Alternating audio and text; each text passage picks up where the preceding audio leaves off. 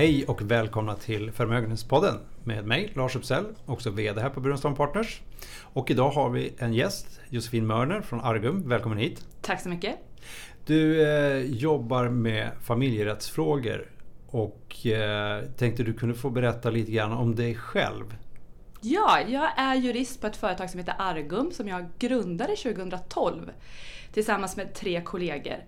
Och eh, vi sitter ju här ganska nära, 200 meter från er Burestam och Partner. Eh, så att eh, det kom ganska lägligt när vi grundade 2012 att vi skulle söka samarbete med Burestam och Partner. Vi jobbar ju mycket med eh, personer som äger eh, större skogs och lantbruksegendomar och vi insåg ganska snart att vi har många gemensamma intressen med eh, er och era kunder. Och eh, jag är ju specialist på just generationsskifte och familjerätt. Eh, vilket har lett till att jag nu sen, nästan sen vi grundade Argon faktiskt, har sprungit här i era lokaler också, inte ja. bara på, på mitt egna kontor och hjälper era kunder med familjerättsliga frågor. Ja. Eh, vi ses ganska ofta i lokalerna här. Att, ja, det händer ju att jag är här titt som tätt flera gånger i veckan faktiskt. Du, en personlig fråga. Vad var det som, i dig då som gjorde att du hamnade inom familjejuridiken? Det var faktiskt en slump från, från början, som mycket här i, i livet. Eh, jag eh, började faktiskt praktisera familjejuridik redan på juristlinjen eh, och valde att starta mitt första egna företag då, där jag tillsammans med en kursare gav juridiska fråg, eh, svar på eh, frågor som eh, personer hade och vi gav dem då kostnadsfritt online.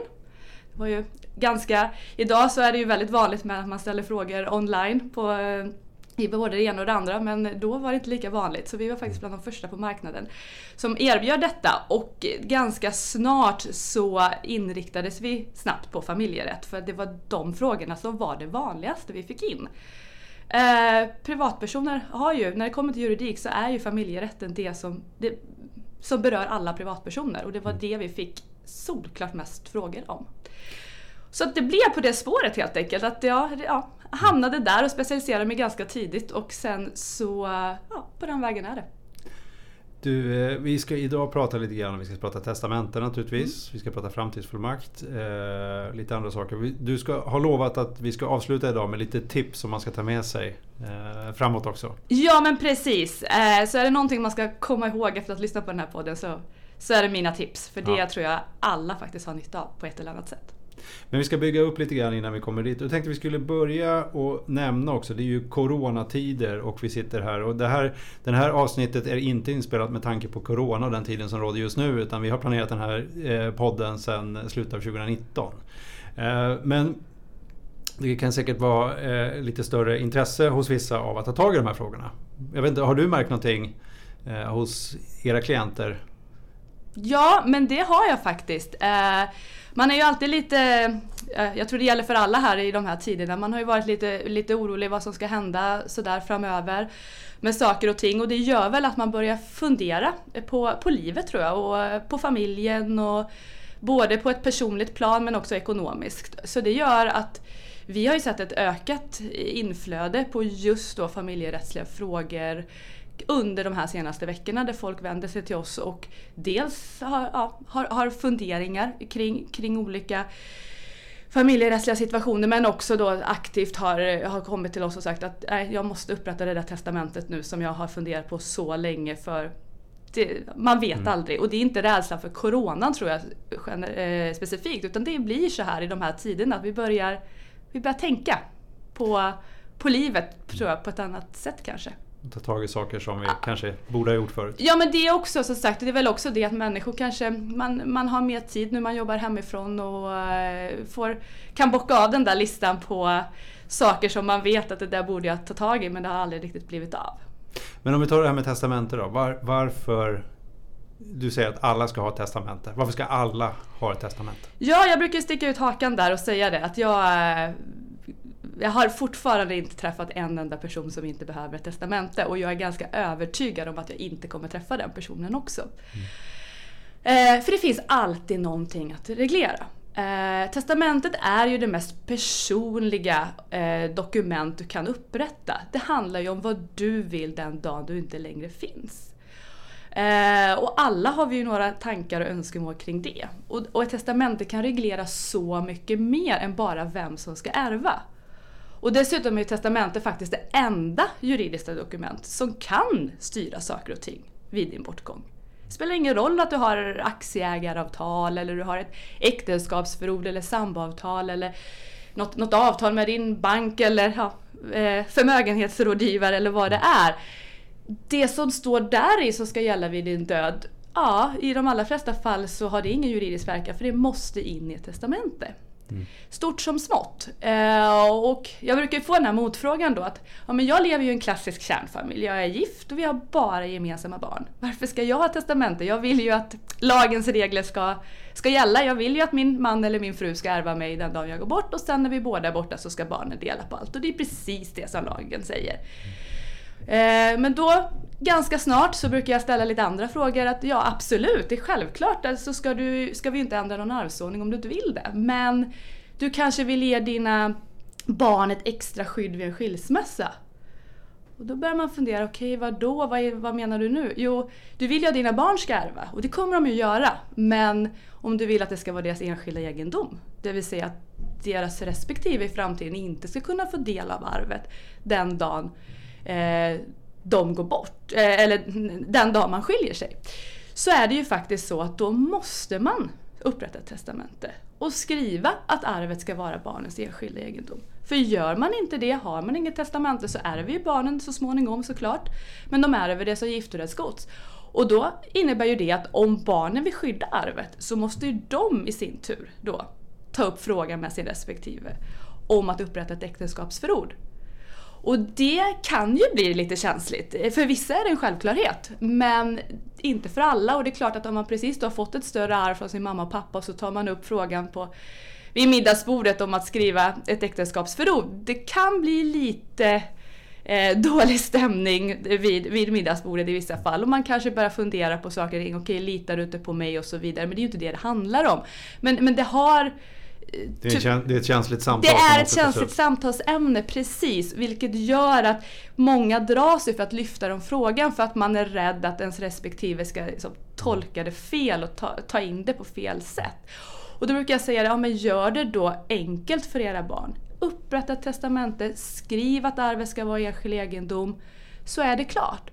Och i värsta fall om respektive blir irriterad då kan, får man väl skylla på sina föräldrar och säga mm, jag kan inte göra något åt för det här var vad mamma och pappa ville. Mm. Och det ska tilläggas i de allra flesta fall så blir inte respektive irriterad. Eller, för, för man tycker att finns det ett testamente så då, då respekterar man det. Mm. Det blir en helt annan sak än kanske i diskussion med, med sin partner om äktenskapsförord. Men du, jag tänkte också på, jag tycker jag har sett genom åren, man har jobbat eh, med, med förmögnare personer, att det det är inte helt ovanligt i alla fall att det blir också osämja mellan barn och så vidare. Eh, det, det, måste du ha sett en hel del av också? Jo men det är ju det. Alltså arvskiften har ju en tendens att ta fram det sämsta av oss, ur oss människor. Eh, och jag brukar säga i de bästa familjerna. Det är, man kan aldrig på förhand veta vilka familjer som börjar bråka om arvet eh, den dagen det blir aktuellt. Och där kan man ju också göra en stor eh, tjänst faktiskt för sina barn. Att Skriv i testamentet hur ni vill att saker och ting ska delas upp. Okej, vissa kanske bara har en, eh, bara och bara, men har, har en påse pengar. Ja, det är ju smidigt. Då delar man det i, i, i tre lika högar om man har tre barn och, och, så, och så är det, är det gjort. Men har man till exempel fastigheter och så vidare, då är det inte lika självklart eh, hur det ska delas upp. Och har man inte skrivit någonting i ett testamente så är ju huvudregeln att då är det ju samäganderätt. Det vill säga att alla arvingar har ju rätt att ärva en del i, i all typ av egendom som den avlidne efterlämnar. Och kommer man inte överens vid arvskiftet, ja då, då skiftas fastigheterna ut med samägaren om det finns flera arvingar. Och det tror jag de flesta kan känna igen sig i, det är säkert många av era kunder och de som lyssnar här, att samägande, det är inte heller någonting som brukar ta eh, fram det bästa av oss människor och det kan leda till väldigt stora konflikter. Det finns såklart ett samägande som fungerar, men i de allra flesta fall så är det svårigheter att äga tillsammans. Och även där så blir det ju oftast inte bara kanske de där tre barnen utan de tre barnen har sina respektive och så har man kanske egna barn och så vidare. Så helt plötsligt så blir det indirekt ganska många som ska tycka om sommarstugan och eh, behöver vi lägga om taket eller inte och så vidare. Och vilka veckor ska vi få nyttja i år och vilka veckor ska ni nyttja och hur ska kostnader fördelas och så vidare. Så där kan man ju också underlätta genom att kanske dela upp egendomen. Att man har ett barn som man vet är mycket mer intresserad av den där sommarstugan man har. Ja, men se till att skifta ut det på, på det barnet. Mm. Eh, och så ger man det andra barnet mer av något annat egendomslag. Man kanske får mer värdepapper eller kontanter istället. Eh, det handlar ju inte om att man ska gynna något barn på något annat barns bekostnad. Eh, men utan, det, eh, utan istället så handlar det ju om att man, man förenklar vid ett arvskifte. Att man, man redan har bestämt hur man vill att det ska delas upp. Är det bra att... Alltså testamentet är ju egentligen bara dokumentation av vad man vill. Undviker man konflikter mer om man startar dialogen inom familjen innan om vad som kommer stå i testamentet? För en, en sak är ju att dokumentera på papper men liksom, hur undviker man det på bästa sätt? Men jag tycker ju alltid att man ska försöka ha en aktiv dialog i familjen. Oavsett om man har skrivit ett testamente eller om man har planer att göra det.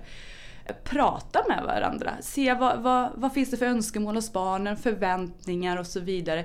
Kanske också för att få vägledning till just det, hur ska jag välja att dela upp min egendom. Mm.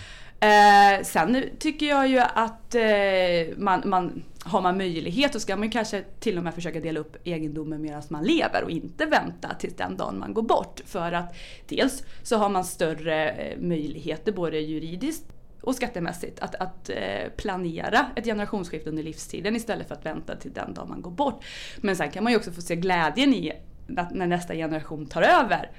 Eh, oavsett om det är familjeföretaget som man skiftar över eller om det är någon, någon fastighet man har. Att bara få, det är väl fantastiskt att få se eh, hur, hur nästa generation kommer förvalta det. Men med det inte sagt så ska, man ju, eh, så ska vi inte strunta i testamentet för det är ju faktiskt så, vi vet ju inte när testamentet behöver användas och, och olyckan kan ju också vara framme tidigare än vad man eh, hade trott. Och därför bör man ju alltid säkra med testamente. Och eh, där i så sagt så tycker jag det är bra att eh, man, man innan man, man, man upprättar eh, sitt testament att man funderar på eh, vad som är lämpligast för våran familj. Att man pratar igenom i familjen vad finns det som sagt för förväntningar och önskemål och funderingar. Men sen också efteråt att när man har upprättat att förklara kanske hur man har funderat och hur man har resonerat och tänkt. Så att inte det blir en felaktig bild den dagen testamentet faktiskt ska användas av vad testator menade. Eh, testamentet ska ju naturligtvis vara så tydligt skrivet så att det inte ska vara några otydligheter med vad som gäller rent juridiskt. Men men det inte sagt, så, eh, så, så, men även om det är tydligt juridiskt så kan det ju ställas andra frågor. Varför valde pappa eller mamma att göra på det här sättet? Varför fick min syster vårt sommarställe och inte jag? Den frågan kommer ju troligtvis inte finnas något svar på i testamentet. Och där är det ju jätteviktigt tycker jag att man berättar eh, för barnen innan. Men det är ju så att det här måste man ju naturligtvis göra avvägningar i varje enskild familj. I vissa familjer så är det kanske inte lämpligt att berätta. Det finns, så man kan, man kan inte liksom dra ett likhetstecken att alla ska berätta om sitt innehåll i testamentet. Det kan absolut vara, men generellt så tycker jag ändå att man ska ha någon form av dialog kring det. Du, eh, vi lämnar testamentet för lite stund tänkte jag. Så tänkte jag det här senaste som har kommit, eh, eller senaste, det är inte helt nytt då, men framtidsfullmakt tänkte mm. jag skulle få nämna lite grann om. Eh, det märker vi att det är många kunder som inte har upprättat ännu. Eh, och du har säkert upprättat en hel del de här sista åren. Vad, vad är det och varför ska man ha en framtidsfullmakt? Ska alla ha det också? Ja men det är faktiskt samma sak, att där tycker jag också att alla ska ha det. Framtidsfullmakt är ju som du nämner, det är någonting som är relativt nytt. Eh, det kom eh, första juli 2017 om jag inte missminner mig. Eh, och är ett dokument som ska förenkla den dagen du inte längre kan tillvara på dina egna intressen. Den dagen när du säger, på grund av en psykisk eller fysisk sjukdom inte klarar av att sköta dina bankärenden eller skriva under avtal och så vidare. Så det här är ju någonting som, du, du, som reglerar saker och ting när du fortfarande är i livet till skillnad från testamente som reglerar saker och ting den dagen du går bort. Eh, och innan den här lagen om framtidsfullmakter kom så var det ju så att det fanns egentligen ingen specifika regler kring den här typen av fullmakter utan man hamnade i de vanliga fullmaktsreglerna som gäller för egentligen vilken typ av fullmakt som helst. Och det gjorde att det blev många gånger svårigheter med bankärenden och så vidare för att man kanske hade en juridiskt korrekt fullmakt men, men banken hade valt att ha egna interna regler om vad som gällde som kanske var mer långtgående och så vidare. Så många gånger så blev det inlåsningseffekter när mamma eller pappa kanske drabbades av en demenssjukdom och man behövde komma åt deras banktillgodohavanden av olika anledningar för att betala räkningar. Men det kan också vara att man kanske behövde sälja huset för att de flyttade till ett äldreboende och så vidare. Och man hade en fullmakt men fullmakten fick, kunde man inte använda på grund av interna regler hos banken eller på grund av att Lantmäteriet inte godkände generella fullmakter vid fastighetsöverlåtelse och så vidare. Så det var många problem. Så, eh, och i och med det så, så fick vi den här lagen som gör att om man har upprättat eh, en fullmakt enligt lag, eh, lagens formregler så, så ska du kunna känna dig trygg. Då vet du att ja, men den dagen jag inte längre kan ta vara på mig själv så kommer den här fullmakten börja gälla och då kan den som jag har gett fullmakt företräda mig i de frågor som jag har så att säga, gett fullmaktshavaren behörighet enligt fullmakten. Du, de här, vi lever i en lite digital värld i alla fall. Den blir mer och mer digital.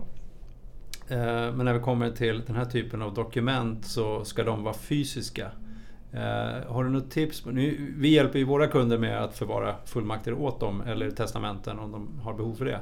Men eh, finns det några generella regler eller riktlinjer, rekommendationer som du har på det?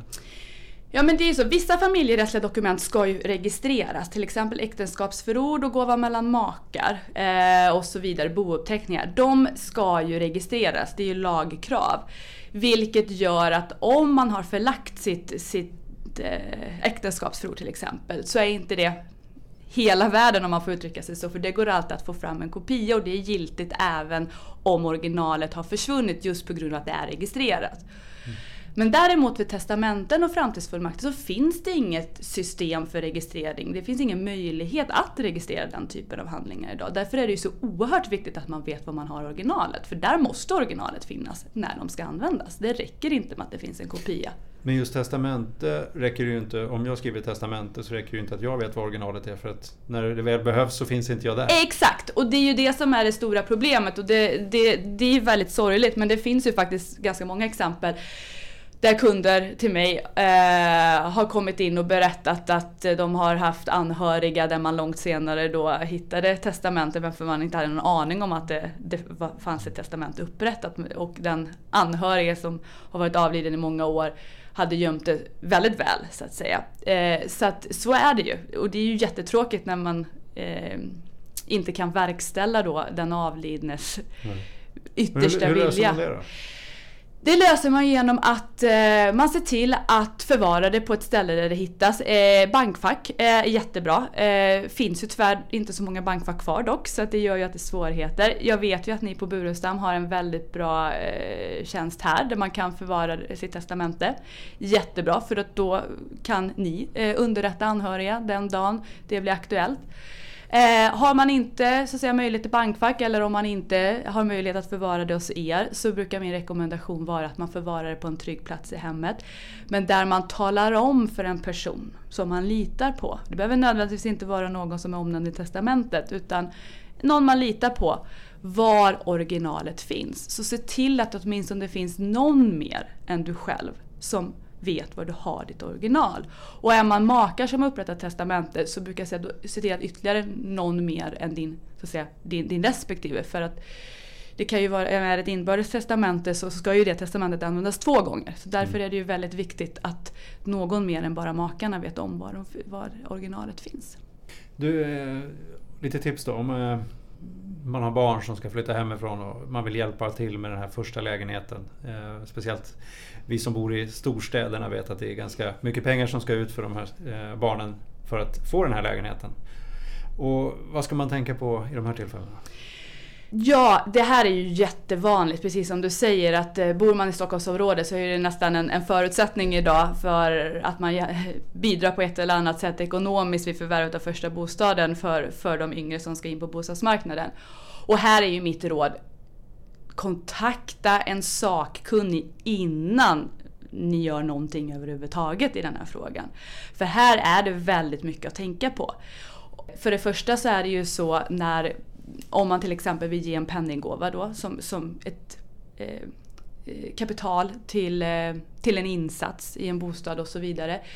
Ja, där har vi ju frågor kring enskild egendom. Eh, det vill säga att man de allra flesta vill ju att den här penninggåvan som jag ger till min son eller min dotter ska vara sonen och dotterns enskilda egendom. Eh, och för att det ska vara det så måste det finnas ett skriftligt gåvobrev eh, som upprättas i samband med att gåvan ges. Det finns ju inget formkrav på att ha ett skriftligt gåvobrev för en penninggåva i sig. Eh, och eftersom det inte finns ett skriftligt formkrav på det utan att man egentligen bara kan gå in ja, via sin internetbank och föra över pengar så är det ju så att det missas ju väldigt många gånger att göra det här gåvobrevet just för att man behöver inte det för gåvans fullbordande för gåvan fullbordas när pengarna förs över. Det finns inget krav på en juridisk handling. Eh, men det finns krav på juridisk handling i form av ett gåvobrev om man vill att gåvan ska vara enskild egendom. Så därför så måste man ha det. Det är den igen, enskilda egendomen som kommer in där. Ja, men sen har man ju också frågor kring förskott på arv. Det vill säga du kanske har mer än ett barn men det är bara ett barn som du hjälper just för tillfället. Eh, och då är det ju frågan eh, om den här gåvan ska ses som ett förskott på arv eller inte. Och är det en gåva eller är det ett lån? Är det tanken att barnet ska betala tillbaka de här pengarna så småningom? Eller inte? Det kan också vara så att eh, du kanske istället för att ge pengarna eh, så att säga betalar hela lägenheten för eh, ditt barn. Eh, men skriver ägandet på eh, lägenheten delvis på dig själv men delvis på barnet. Oftast är det ju så att om, om barnet ska bo i, i, i bostadsrätten så kräver ju föreningen att barnet ska äga eh, en viss andel av eh, bostadsrätten för att barnet ska kunna bo där. Även om du själv har, som förälder har betalt hela bostadsrätten och egentligen tycker att det här är ju min bostadsrätt men, men min son ska bo där. Då brukar ju föreningen säga att ja, om sonen ska bo där så måste sonen äga och så skriver man kanske över då 10% på sonen. Och då är ju det en form av gåva. Sonen äger ju helt plötsligt 10 procent av bostadsrätten. Eh, och hur ska det då hanteras? Och det är samma sak där. Ett, eh, enskild egendom, gåvobrev. Två, förskott på arv. Eh, eller inte, måste man fundera över. Men tre, vad händer om jag går bort? Då äger ju min son 10 procent av bostaden och jag 90% och jag har fler barn, ja då kanske jag vill säkerställa att min son får de här 90 procenten av bostadsrätten på sin lott. Så inte hans syskon kommer in och ska ärva en del av det här och helt plötsligt så sitter han med ett samägande med sina syskon i sin eh, så att säga, permanentbostad. Det är inte särskilt eh, önskvärt för någon tror jag. Och då är det ju jätteviktigt där att se till att man upprättar sitt eh, testamente eller uppdaterar sitt testamente där man kanske skriver att om jag går bort eh, och jag fortfarande samäger den här bostadsrätten med min son så ska min son ha min andel eh, på sin lott vid arvskiftet. Du nämner det här med uppdatering av testamenten. Eh, man kan ju inte skriva testamente och sen eh, tro att det kanske gäller för evigt. Om man, skriver en, om man är ute i god tid och skriver det här och så lever man länge därefter. Eh, hur vanligt är det att det liksom står något annat än vad det borde stå i testamentena? Tyvärr allt för vanligt. Det händer nästan alltid eh, när jag tittar på en kunds testamente att det finns någonting att ändra. Och det beror nästan alltid på två saker. Det ena är att man, som du nämner, man, man upprättade det där testamentet och sen så la man det i byrålådan och så gick tiden. Det kanske var 20 år sedan. Och då har det hänt ganska mycket, både med, i ens egna liv men eh, kan också ha hänt saker rent lagstiftningsmässigt. Och därför brukar jag alltid rekommendera att man kanske var femte år tar fram sitt testamente och gör en översyn. Bara för att se, vill jag fortfarande eh, att det ska fördelas på det här sättet när jag går bort? Har det hänt någon lagändring som gör att jag behöver ta hänsyn till det, och, eh, till det i mitt testamente och så vidare?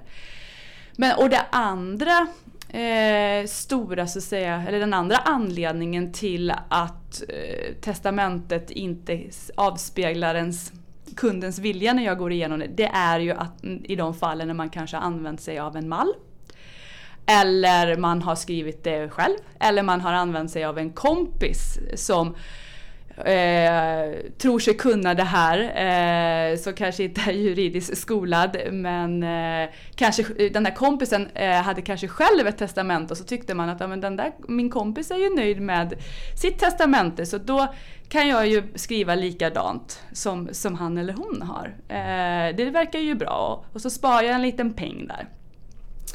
Eh, men eh, då ska man ju komma ihåg att det finns, inga, det finns ingen mall som passar alla. Testamente är ju det mest personliga dokument du kan upprätta. Det finns inget mer personligt. Det, det ska avspegla din yttersta vilja. Och alla vi människor är ju unika. Och därför måste alla testamenten också vara unika.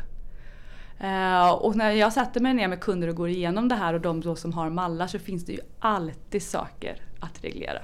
Eller de som kanske då har valt att skriva av kompisens testamente utan att egentligen veta vad, vad det innebär.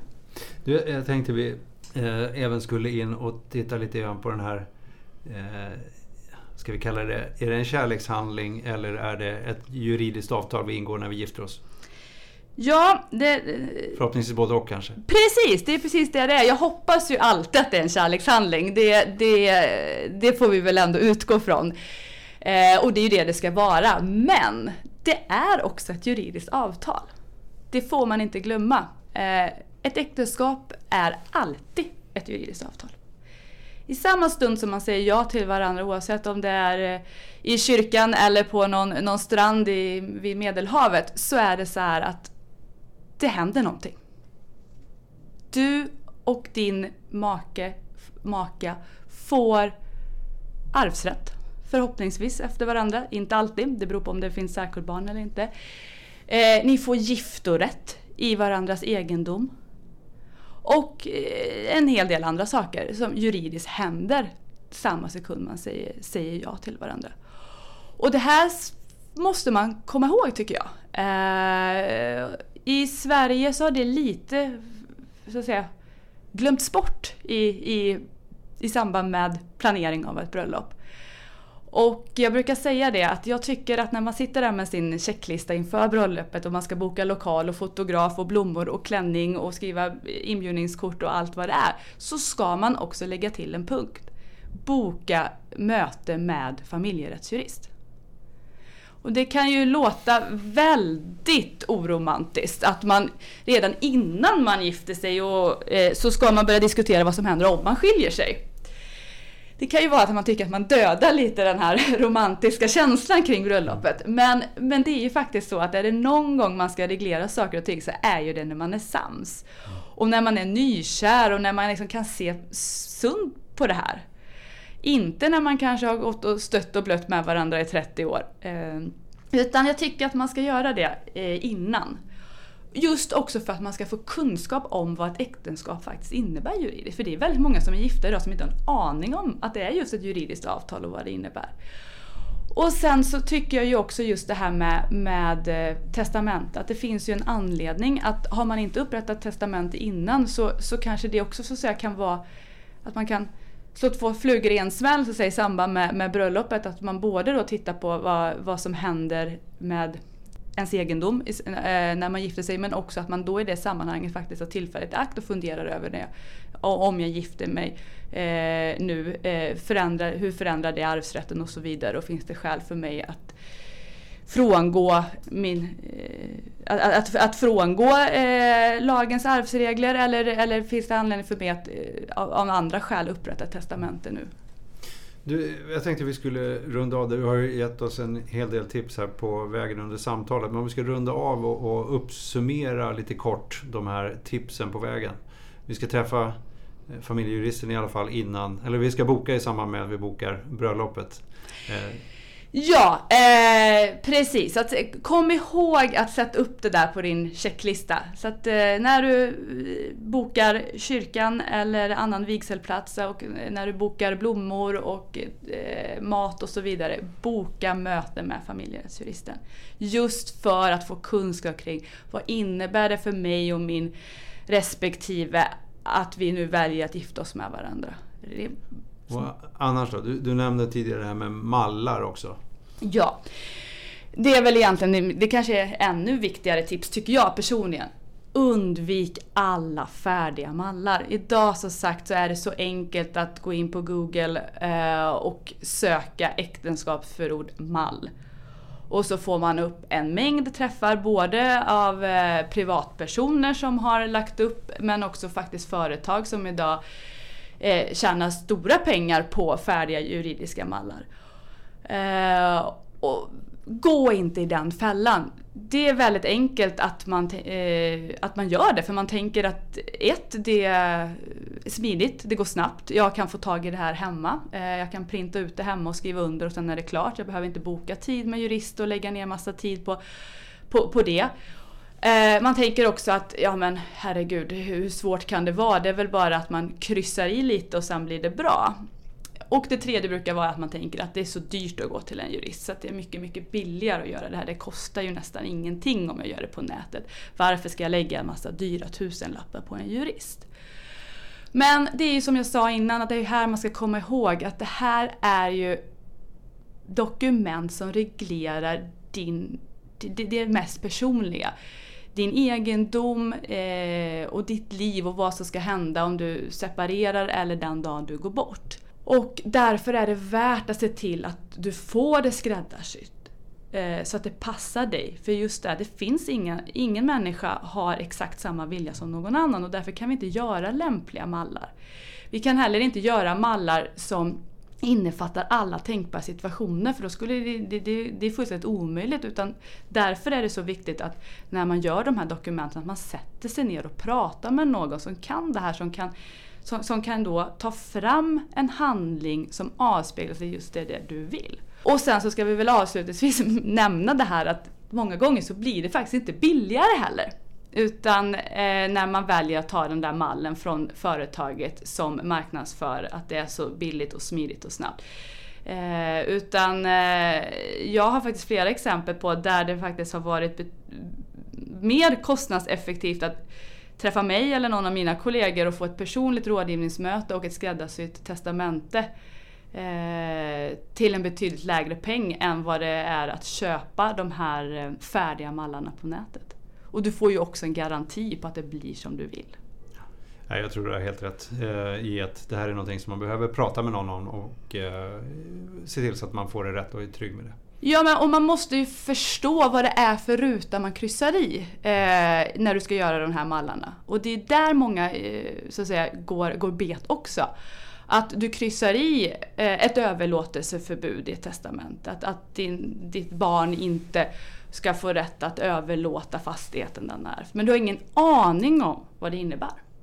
Du har ingen aning om vilka långtgående konsekvenser det kan få på andra delar än att du bara ja, inte har rätt att överlåta det. Så det är just det här. Du, jag skulle inte våga eh, eh, chansa på en mall, så kan vi väl säga. Det får bli slutorden för idag. Eh, chansa inte på mall och kryssa inte i någonting som du inte vet vad du kryssar i. Eh, så tack till er eh, lyssnare för att ni har lyssnat och tack så jättemycket till dig Josefin för att du tog dig tid att komma hit. Tack för att jag fick komma.